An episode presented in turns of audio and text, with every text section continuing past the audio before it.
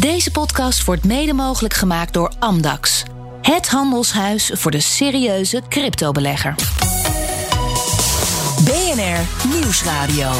De Cryptocast. Herbert Blankenstein. Welkom bij de CryptoCast, aflevering 194. Met een klein half uur crypto-nieuws hier op de radio bij BNR.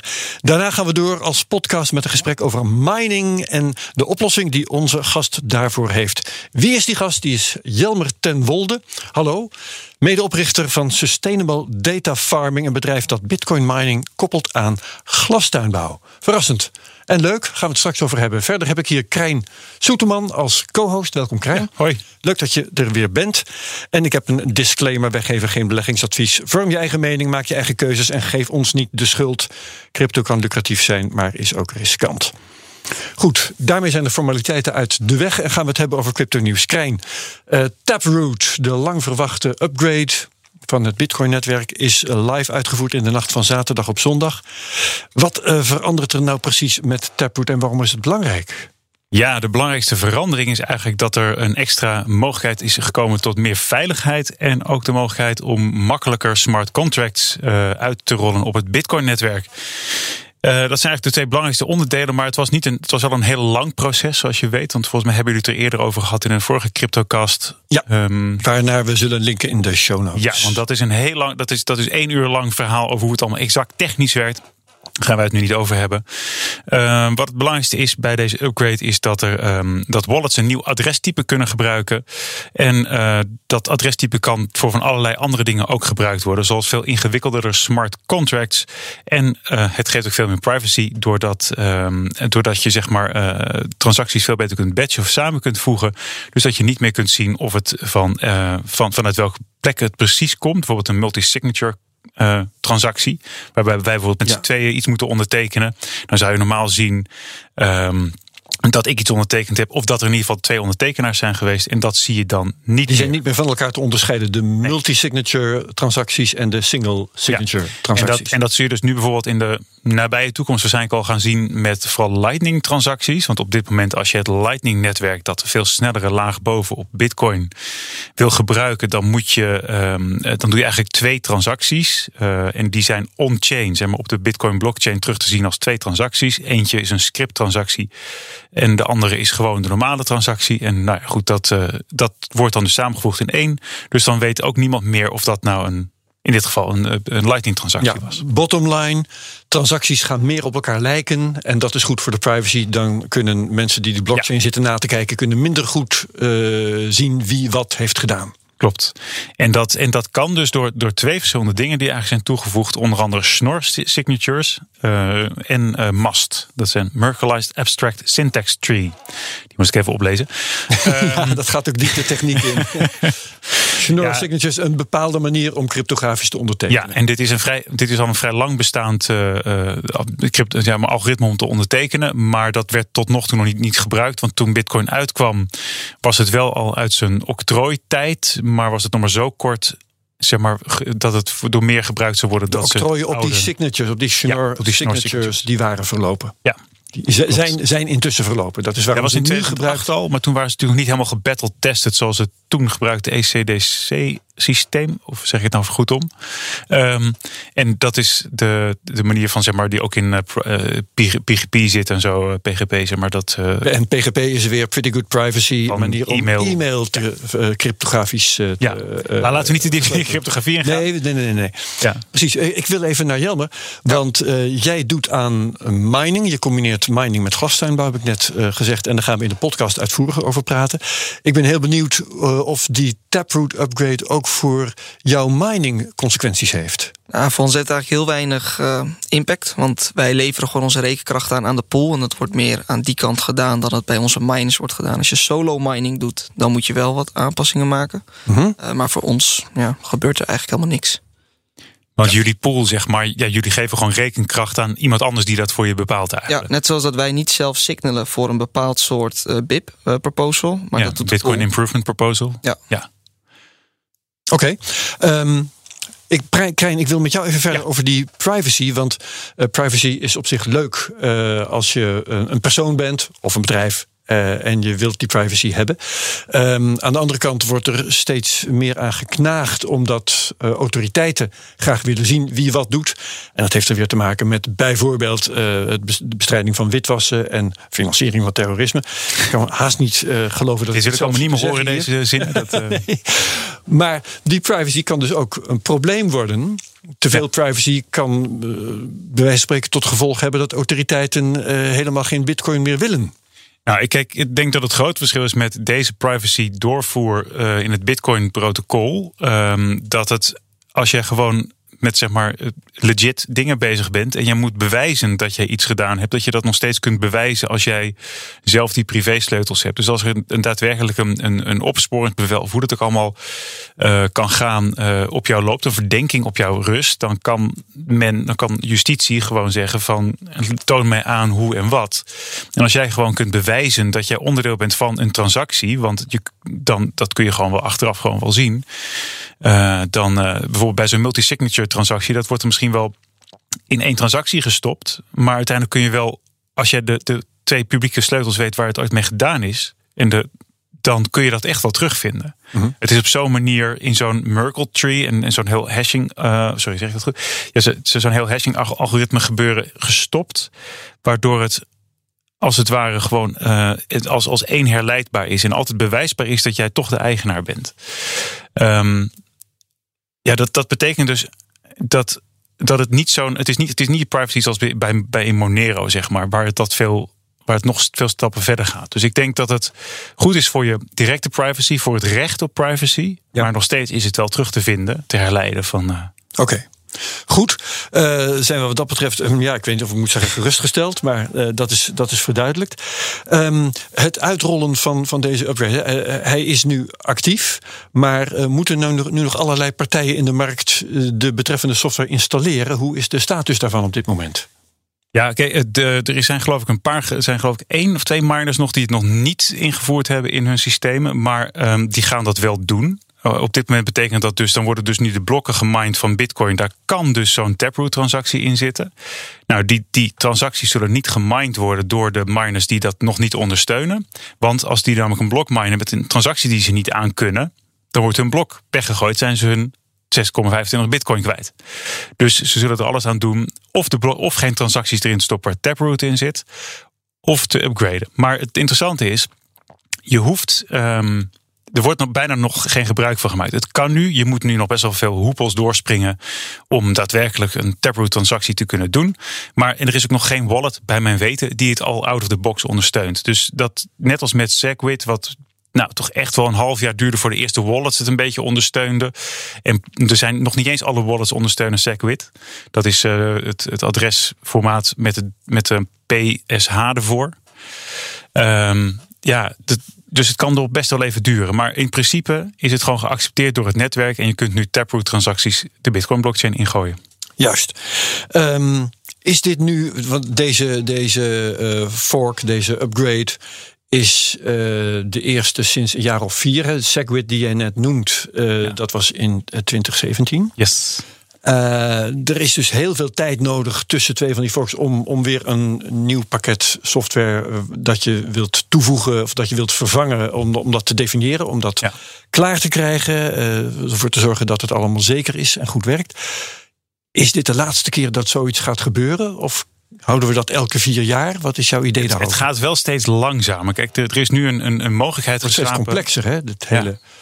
Maar uiteindelijk zeg maar, er is nu een mogelijkheid geschapen om bovenop de Bitcoin uh, blockchain daar dus een tweede laag te maken met allemaal mogelijkheden zoals smart contracts, de DAO's, zeg maar, decentralized autonomous organizations.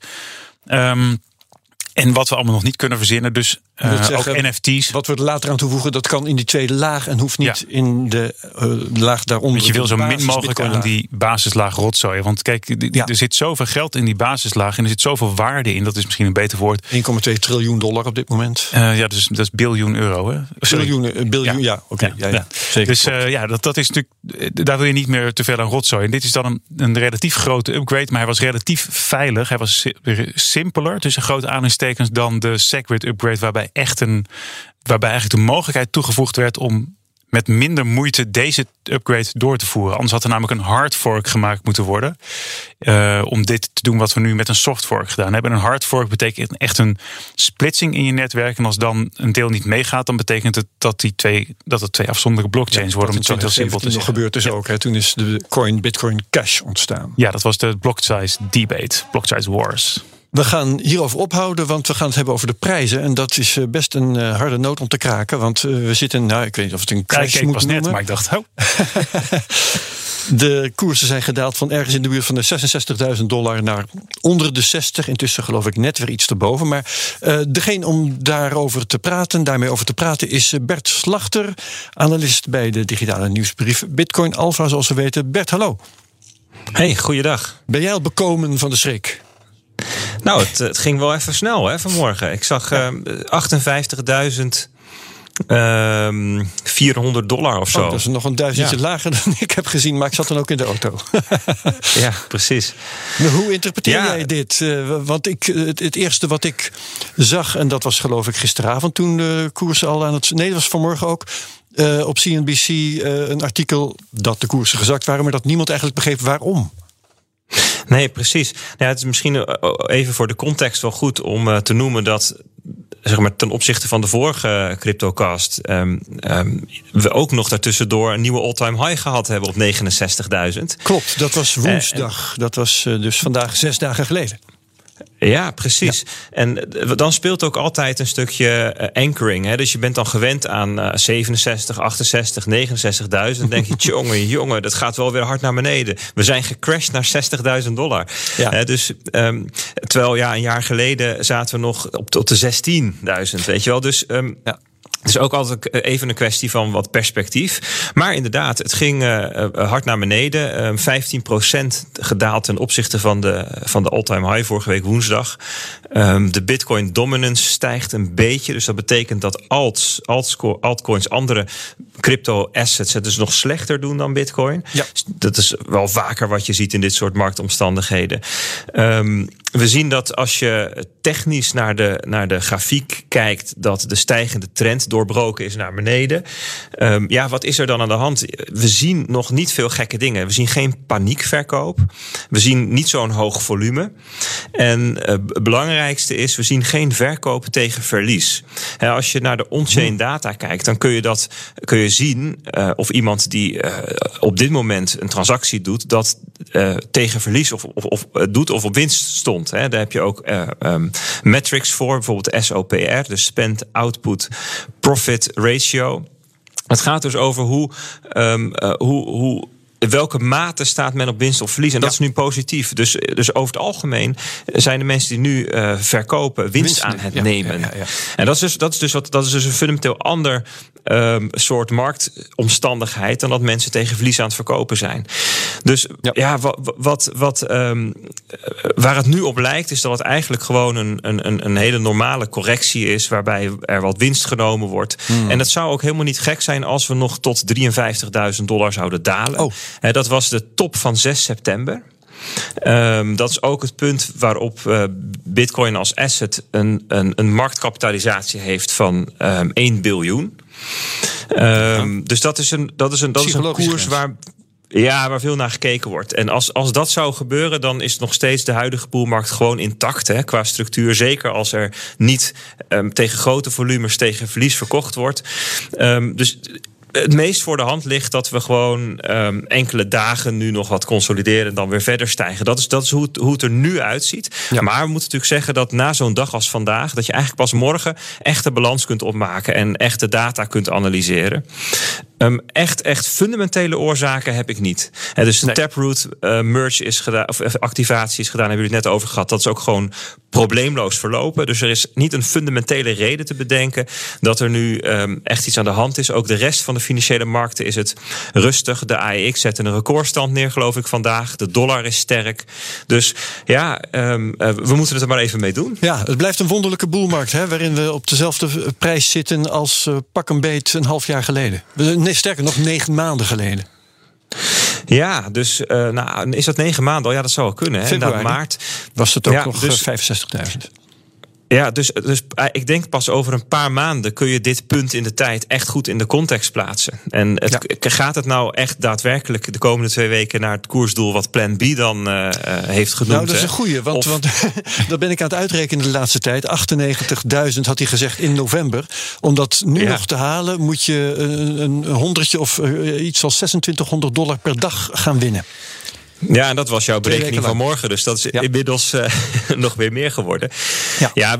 er zijn wel heel uitzonderlijke dagen uh, op de Bitcoin-markt. Uh, dus het zou, het zou kunnen, maar dat, dat, dat vereist wel um, een katalysator, denk ik. dit is niet een kwestie van gewoon normale Um, instroom van nieuw kapitaal. Dan gaat het veel rustiger, weer zoals de afgelopen weken.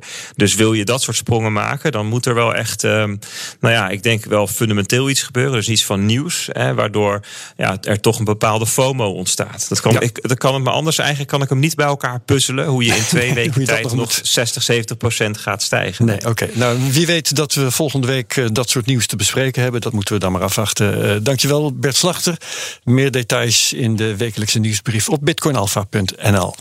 Uh, hier in de studio gaan we verder met de nieuwtjes. Wat wel uh, aardig is, is om het eens een keertje te gaan hebben over de Miami Coin. uh, mede naar aanleiding van het feit dat ze in New York nu ook een, een New York Coin. ik weet niet of hij ook inderdaad zo gaat heten, maar daar willen ze dat imiteren. Miami heeft zijn eigen coin, levert heeft Miami intussen al 21 miljoen dollar opgeleverd. Maar um, laten we het eens even hebben over wat dat voor uh, ding is, Krijn. Um, een eigen coin. Waarom heeft uh, die geld oplevert? Waar komt dat geld vandaan? Enig idee? Want ik begrijp het niet. Ja, dat hebben we ons ook al proberen uit te vinden. Het, het, het, het valt onder zeg maar iets wat, wat zichzelf Citycoins noemt. Ja, je kunt als stad, dan meld je je bij uh, een of ander bedrijf. Ik weet niet precies uh, hoe dat dan ook weer heet. En, en, en dat, heet het dat draait op stacks. En dat is weer een, een, volgens mij, dat is een sidechain van Bitcoin. Dus oké, ja. ergens zit er. Jelmer weet er meer van. Ja. Nou, hoe ik het begreep is dat de voornaamste inkomsten nu gegenereerd zijn door de verkoop van de munt. En niet noodzakelijk dat er echt wat onderliggend gebeurd is. Nou, maar het is niet heel transparant. Je kan er heel moeilijk informatie over vinden. Je moet echt goed zoeken. Maar naar mijn idee vindt er nog niet echt een economische activiteit naast verkoop plaats binnen de chain. Nee, dus het is wat dat betreft uh, zo spookachtig als uh, sommige mensen vinden dat Bitcoin ook is. Laten we wat dat betreft nou, ook eventjes naar onszelf kijken. Er zijn natuurlijk op zich al vaker initiatieven geweest in de wereld met steden en, en andere kleinere communities die uh, lokale munten willen gebruiken om bepaalde dingen te stimuleren. En ik kan me in die zin voorstellen dat je als stad, daar is bijvoorbeeld een soort van Groningse stadjespas of een Amsterdamse, heb je ook zo, je hebt overal van die passen um, waar je bepaalde ja, voordelen mee of zo, ik weet niet. Ja. Maar goed. Nou ja, dus, dus op die manier heb je kun je, kun je er toch, toch voor zorgen dat mensen bepaalde dingen binnen je stad doen. En daar misschien ook weer extra geld mee verdienen. Of de, er wordt toch een soort van gesteekt tussen aanhalingstekens, geloof ik. En dan kun je dat uiteindelijk weer in bitcoin of waarschijnlijk micro-bitcoins of zo terug. Maar er is in elk geval ons hier uh, over die Miami coin geen gebruiksvorm uh, bekend. Geen, geen uh, nee, use case. Nee. nee. Er wordt dus voornamelijk gissen naar, naar wat kan er mee gebeuren. En dan worden er een paar ideeën geopperd. Zoals het uh, OV, uh, zoals wij in Nederland kennen, eigenlijk implementeren op de blockchain daar. Dus eventuele vraag is gewoon speculatieve vraag, neem ik dan aan? Ja, daar ga ik wel van uit. En daar haalt Miami uh, dan zijn 21 miljoen dollar vandaan?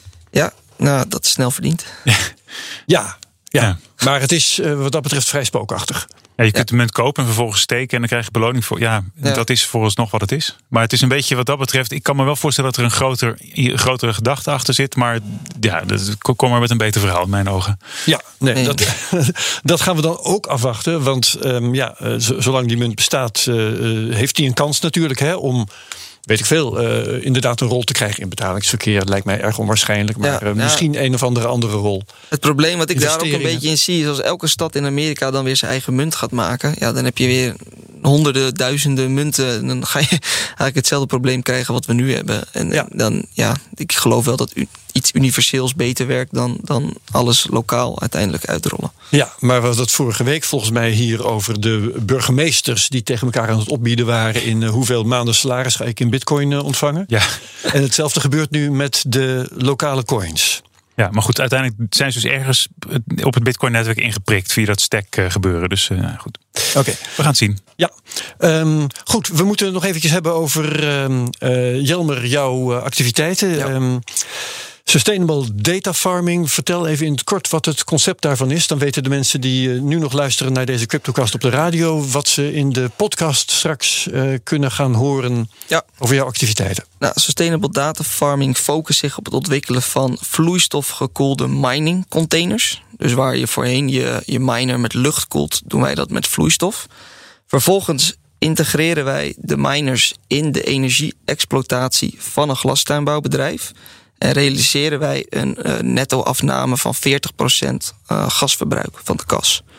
Nou, daarnaast kunnen wij de miners heel mooi aan- en uitzetten op basis van een noodvermogenvraag vanuit de, de energiemarkt. Ja. En daarmee ook een duurzamere exploitatie van het hele elektriciteitsnetwerk ja. faciliteren. Om het uh, voor mezelf te vertalen, jullie stoken de kassen warm met de warmteproductie van je mining. Ja, komkommers, paprika, zaadteelt. En, en, wat voor rendement haal je dan? Of zei je dat net al? Uh, de rendement, het thermische rendement van, van onze techniek... dat ligt tussen de 90 en 95 procent. En dat is wel handig om te weten. Want er wordt nu flink geïnvesteerd in, vanuit de overheid in subsidies... voor elektrische boilers. En die hebben een thermisch rendement van 97 procent. Dus we gaan heel veel geld uitgeven aan subsidies... En dan vervolgens elektra te verbranden. Terwijl je eigenlijk ook een economische activiteit tussen kan plaatsen. Uh, zowel mining of high performance computing. En dat dan op een decentrale manier kan inzetten om kassen, stadswarmtenetten uh, ja. en dergelijke dingen te verwarmen. En jullie energie haal je, haal je gewoon uit het lichtnet of uh, nee, op een of andere manier uit gas uh, gestookt? Momenteel gebruiken wij turbines. nog gasgestookte turbines. Okay. Die zijn nodig om het economisch. Breng je eigen elektriciteitscentrale mee eigenlijk? Ja, ja dat klopt. Wow. onze toekomstvisie is wel dat deze, zodra de, de belasting op, op, op, op stroom lager wordt en er meer duurzame stroom komt, om die te vervangen en volledig op, op duurzaam stroom uit het net te gaan draaien.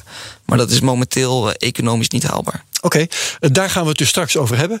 Uh, tot zover op dit moment de Cryptocast op BNR. Bedankt aan Jelmer ten Wolde, die u net hoorde van Sustainable Data Farming. En aan co-host Krijn Soeterman. We zetten het gesprek dus voort in de podcast. Wie meegaat, tot straks. anderen bedankt. Graag tot de volgende week bij de Cryptocast op BNR. Hoi. Deze podcast wordt mede mogelijk gemaakt door Amdax.